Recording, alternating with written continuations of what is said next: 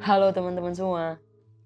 Selamat datang di podcast ini di episode lewat doang dengan judul Tenang yang telah hilang. Hmm, apa sih itu ketenangan? Yang saya tahu, ketenangan itu berasal dari kata tenang secara KBBI, yakni tidak gelisah, tidak rusuh, tidak kacau, tidak ribut, aman dan tentram. Tentang perasaan hati serta keadaan. Jadi bisa kita simpulkan bahwa ketenangan adalah hal atau keadaan tenang dalam ketentuan hati, batin, dan pikiran. Hati, batin, dan pikiran yang tenang. Ketenangan. Sering gak sih didapetin sama teman-teman semua? Jarang. Apa nggak pernah? Sekarang mah sulit untuk mendapatkan ketenangan apa pun terutama di pandemi ini. Kita selalu dituntut agar selalu waspada dan menjaga kebersihan. Jadi ke kebiasaannya was-was aja gitu. Bikin gak tenang. Hmm, apa bukan itu yang bikin kamu gak tenang? Apa? Banyak yang kamu pikirin. Apa-apa? Ayo, apa yang ada di pikiran kamu itu apa? Tugas, PR, apa tentang cinta? Jangan memaksakan untuk dipikirkan. Apalagi yang gak penting. Ketika banyak hal yang sedang dipikirkan, terus acak-acakan di dalam otak itu tuh. Itu yang bikin teman-teman gak tenang, itu. Overthinking ya? Kenapa? Kenapa? Ada yang ngomongin kamu? Ngomenin kamu? Menjelekin kamu? Atau masalah lain? Oh tahu tahu tahu. Mau kirim kirim doi ya? Kenapa doinya masih allah banget dan kamunya enggak gitu? Kalau itu sih wajar. Wajar untuk overthinking itu uh, wajar banget. Itu itu wajar banget. Tapi masa iya sih cuman gitu bikin kalian overthinking? Ya emang sih. Yang bukan siapa-siapa tuh gak bisa dapetin apa-apa. Eh hey, sabar sabar. Kita kembali ke topik permasalahan overthinking tadi. Jadi apa? Ada yang ngomongin kalian. Ada yang nyuruh kalian begini begitu. Berubah gitu. Terus kenapa kalian overthinking? Ini diri kita, bukan mereka. Mereka itu hanya menonton saja, melihat kita doang. Sedikit menilai kita, tidak apa-apa. Kita mendengarkan kata mereka, masukan mereka, cemooh mereka, ujian mereka. Ya nggak apa-apa lah malah bagus itu malah harus kalian dengarkan. Apa yang mereka katakan itu dengarkan. Itu bisa jadi pembelajaran bagi kita. Tapi tidak semua yang mereka katakan itu benar. Ambil hal-hal yang benar saja. Sisanya buang dong. Jika mereka meminta kamu untuk berubah menjadi sesuatu yang bukan kamu, misalkan gini, kamu gini aja, jangan gitu. San, berubah sih apa sih? Gak suka lo ngeliat kayak gitu. Jangan diikutin teman-teman. Kecuali itu untuk kebaikan kamu. Itu harus diikutin.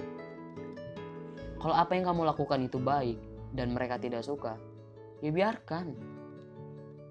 Biarkan saja. Kalau bisa gini tatap mata mereka dan katakan ini saya. Ini saya. Terima kasih atas masukannya. Kamu saja yang bergerak kamu saja yang pindah, kamu saja yang berubah. Saya tetap di sini dengan apa yang saya lakukan. Saya tetap di sini sesuai apa yang saya inginkan.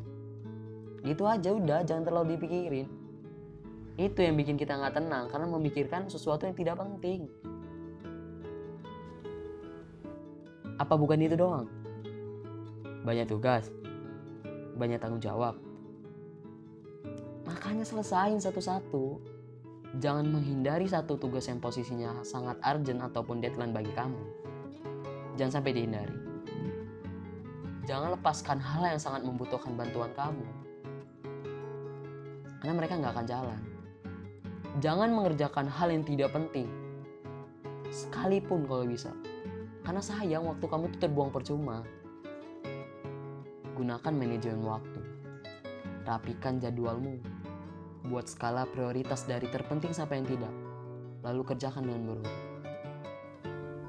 kamu selalu saja memikirkan yang seharusnya tidak dipikirkan.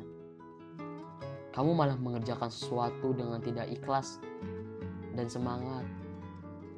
Seharusnya dari awal kamu harus berterus terang. Jangan terlalu tidak enakan terhadap apa pun. Katakan tidak bisa jika tidak bisa. Katakan tidak mau jika tidak mau. Berbicara dengan pelan. Jelaskan agar tidak salah sangka.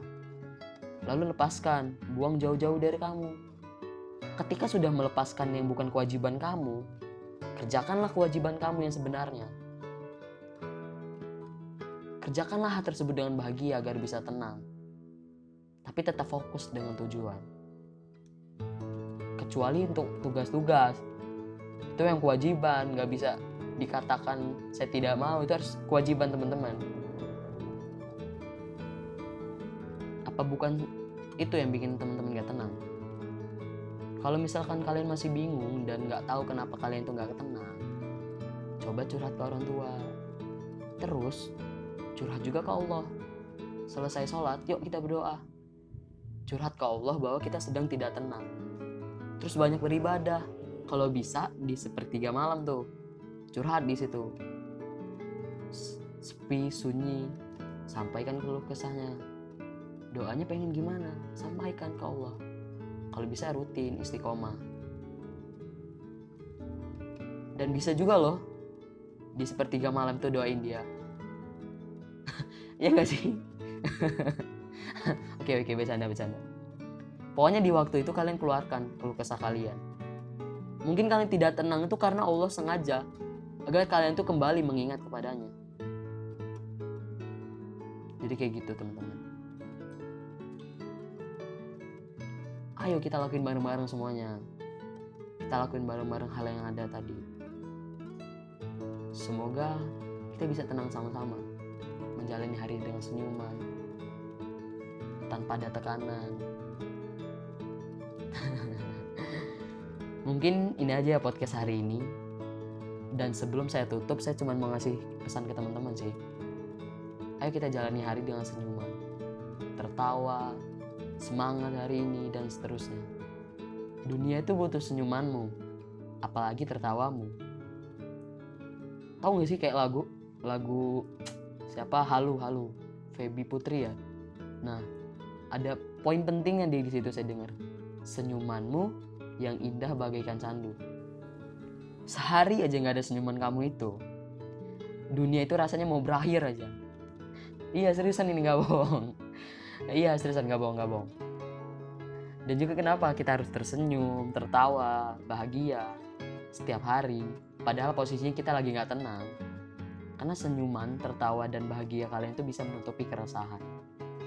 Dan juga agar tenang yang telah hilang itu akan muncul dengan sendiri.